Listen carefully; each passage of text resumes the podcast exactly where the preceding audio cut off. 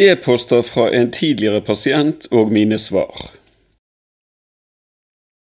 Jeg har fra 1996 drevet en liten hypokonderklinikk som en seksjon av medisinsk poliklinikk på Haraldsplass diakonale sykehus i Bergen.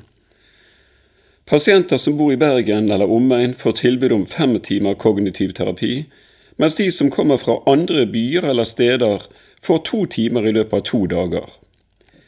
En av mine pasienter 18. og 19. desember 2007 var en kvinne på 29 år. Hun kom fra en liten by et sted i Norge. Vi kan kalle henne Berit. Før hun kom til konsultasjonene, hadde hun lest boken Sjef i eget liv, en bok om kognitiv terapi som kom ut i 2004, Hun visste litt om hvordan jeg jobber og tenker, og var på den måten litt mørnet og klar for samtalene. Hun har gitt meg tillatelse til å referere epikrisen, dvs. Si det brevet som jeg sendte til henvisende lege etter de to samtalene med pasienten. Epikrise fra 19.12.2007 Pasienten ble henvist til hypokonderklinikken i skriv datert 26.9.07, og hun var til samtaler her 18. og 19.12.07. Hun er gift, har to barn, er langtidssykemeldt.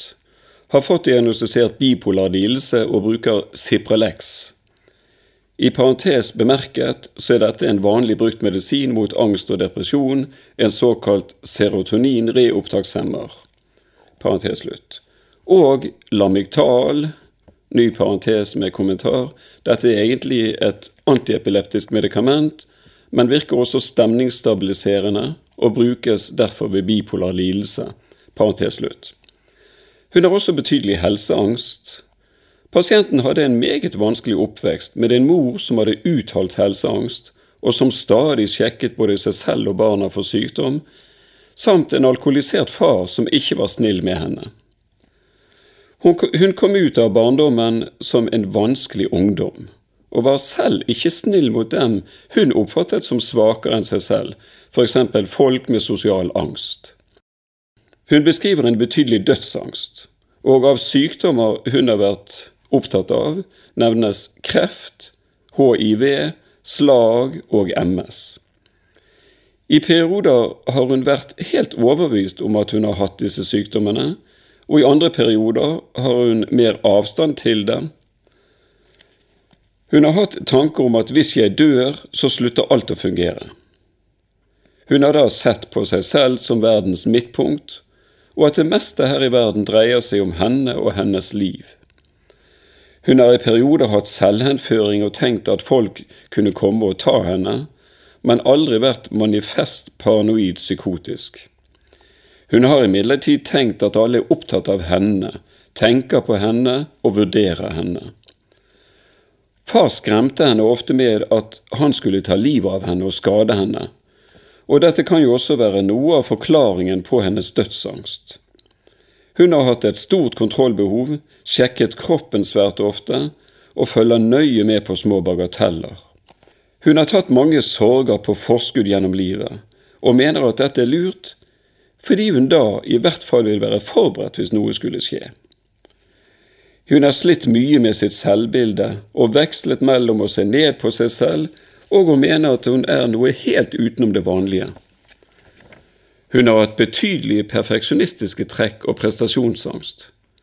Hun har også tenkt at siden hun i perioder har vært et så dårlig menneske, vil hun få sin straff, f.eks. For i form av en voldelig eller fæl død. Status presens 19.12.2007 28 år gammel kvinne, våken og klar, gir god kontakt og forklarer seg greit. Stemningsleiet er nøytralt. Det fremkommer ingen psykotiske symptomer. Vurdering Pasienten har en betydelig helseangst og skårer meget høyt på Whitley-indeks, i parentes bemerket 62 poeng, parentes slutt. Hun begrunner dette med en enorm helseangst. Vi drøftet i samtale hvorvidt pasienten er villig til å være dødelig. Hun har hatt tanker om at hele verden vil stoppe opp dersom hun dør. Når hun sier dette høyt, hører hun at det høres enormt overdrevet ut, og jeg ber henne ta tydelig stilling til denne tanken. Er hun verdens midtpunkt, eller er hun det ikke? Vi drøfter også hvorvidt vi får som fortjent her i livet. Heldigvis er verden urettferdig, og det som hun eventuelt skammer seg for med rette her i livet, kan hun heller skamme seg over, men det er viktig tross alt å komme seg ut av skammekroken og leve videre på en litt annen måte enn før. Hun har opplevd mye fælt i livet, og det kan hun ikke ta ansvar for. Imidlertid må hun ta ansvar for hvorledes hun reagerer på det hun har opplevd. Denne tenkningen virker uvant for henne, men når hun får tenkt seg om, så aksepterer hun at hun faktisk er eneansvarlig for sitt eget liv. Hun kan ikke endre andre, men hun kan faktisk bestemme seg for hvilke holdninger og hvilken atferd hun selv vil ha. Hun skal øve på å være villig til å være dødelig og leve med risiko. Når det gjelder sjekking av kroppen, foreslår jeg for henne at dersom hun oppdager et symptom, en prikk eller lignende, kan hun skrive dette ned i dagboken noen uker frem i tid. Når hun kommer til denne datoen, kan hun sjekke. Da slipper hun å overvåke hele tiden, men kan komme tilbake til saken. Hvor mange sorger hun vil ta på forskudd, drøfter vi også. Jeg anbefaler henne å skille mellom ekte katastrofer som hun må ta, og de tenkte som hun foreløpig kan la ligge. Hun har trodd at det har vært lurt å forberede seg på det verste, men etter nærmere gjennomtenkning forstår hun at dette er en dårlig forberedelse. For det første kan man ikke ta brodden av de ekte katastrofene, og for det andre vil man ved å ta mange sorger på forskudd kunne komme inn i de ekte katastrofene helt på felgen og utslitt. Hun skal revurdere en del sentrale temaer i livet sitt, og øver så godt hun kan på egen hånd.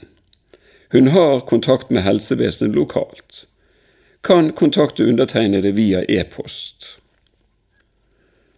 Diagnose hypokondrisk lidelse F452 parentes ICD 10 parentes slutt. Med beste hilsen Ingvard Wilhelmsen, spesialist i indremedisin og psykiatri. Forklaring Whitley-indeks er internasjonalt det mest brukte spørreskjemaet for å måle helseangst.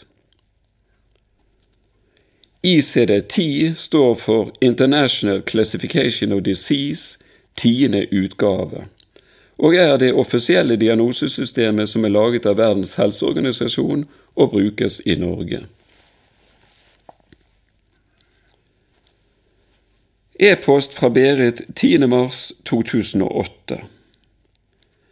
mars 2008 jeg ber som regel utenbys pasienter, som vanligvis kun har vært til to konsultasjoner, om å skrive et brev eller en e-post til meg ca. to måneder etter våre samtaler og fortelle hvordan det går. Berit skrev følgende 10. mars 2008. Takk for sist. Jeg var inne til konsultasjon hos deg nå i midten av desember og skriver nå en liten oppdatering om hvordan livet har artet seg etter bergensbesøket. Først vil jeg si tusen takk for at jeg fikk muligheten til å komme. Det har hjulpet meg mye i ettertid, spesielt dette med å ta ansvar i eget liv har virkelig satt sine spor i meg. Jeg har nå i det små begynt å ta ørsmå steg i riktig retning. Har i alle år slitt med forholdet til foreldrene mine, som jeg nevnte, og nå etter jul har vi hatt sporadisk kontakt i håp om at vi kan begynne å fungere sammen igjen. Men dette gikk ikke så bra. Jeg husker godt hva du sa i forhold til min far. Du kan ikke bestemme hvordan faren din skal være, men du kan selv bestemme hvordan du skal reagere på din far. Jeg prøvde iherdig, men det ble for vanskelig, rett og slett, så istedenfor å la være å svare telefoner, tok jeg for en gangs skyld ansvar og ringte ham i en rolig sinnsstemning og forklarte at jeg ikke klarte å opprette kontakten igjen enda. Syntes kanskje som en liten ting, men en enormt stor sak for meg.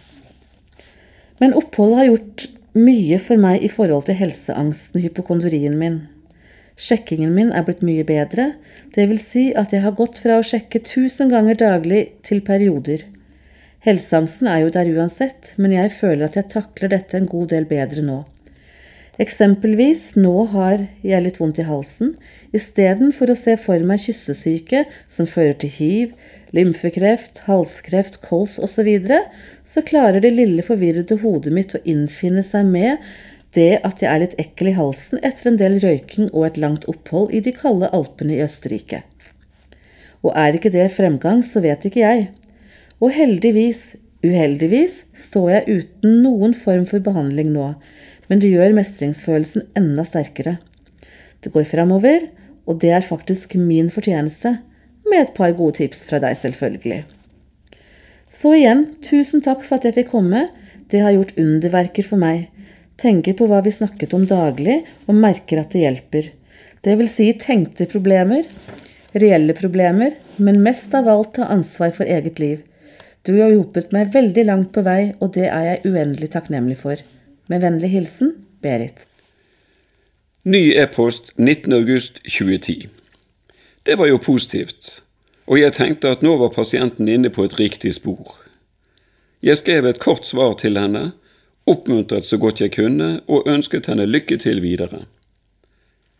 Etter det hørte jeg ikke noe mer fra Berit før jeg fikk følgende e-post 19.8.2010. Hei, hei. Jeg er en av dine pasienter fra en god del år tilbake, og har i det siste sittet og tenkt mye tilbake på tiden før og etter mitt opphold i Bergen. Jeg led i sin tid av en sterk hypokondrilidelse sammen med angivelig en lang liste med andre diagnoser. Deriblant bipolar lidelse, borderline PF, panikkangst, sterke depresjoner samt en cocktail av diverse andre personlighetsforstyrrelser. Og jeg skriver angivelig for i dag sitter jeg som frisk og ser tilbake på min tid innen psykiatrien i Norge og setter store spørsmålstegn ved den behandlingen jeg har gjennomgått. Men det som virkelig snudde mitt liv rundt, var disse to timene jeg hadde hos deg på hypokondriklinikken i Bergen. I mange år hadde jeg blitt fortalt og overbevist av behandlere i psykiatrien at det var fryktelig synd på meg. Greit nok har jeg hatt en svært belastet oppvekst og ungdomstid, sammen med et voksent liv full av mønstre som gjorde at jeg fremdeles ble tiltrukket av dårlige elementer som brukte meg, utnyttet meg og misbrukte meg. Ikke én eneste en ga meg selv ansvar for situasjonen jeg var i, og fortalte meg at det var mitt ansvar å få livet på beina igjen. Eller, som sant skal sies, at det var mitt ansvar endelig å komme meg på beina. Jeg var i lengre tider opprørt etter å ha vært hos deg, for den medlidenheten jeg var vant til innen psykiatriens korridorer, var totalt fraværende. Du ga meg streng beskjed om at det var mitt ansvar hvordan mitt liv var, og kun jeg kunne bryte ut av det. Jeg husker også godt at du sa til meg, det er ikke noe mer synd på deg enn andre. Aldri har jeg følt meg så krenket i hele mitt liv. He-he, men. Det er jo alltid et men. Det var akkurat det at jeg ble stilt til veggen og måtte selv ta ansvar for meg selv som gjorde at mitt liv endelig begynte å komme på rett spor igjen. Og jeg har brukt mye tid på akkurat det, og gjør det fremdeles den dag i dag, selv om jeg anser meg som helt fri fra disse lidelsene jeg en gang skal ha hatt. Men jeg mener det at er man kritisk til egne mønstre, så kan man faktisk bli den beste mennesket man har potensial for å bli. Det jeg ønsker med denne mailen, er å berømme deg. Jeg vil at du skal vite at jeg er der evig takknemlig.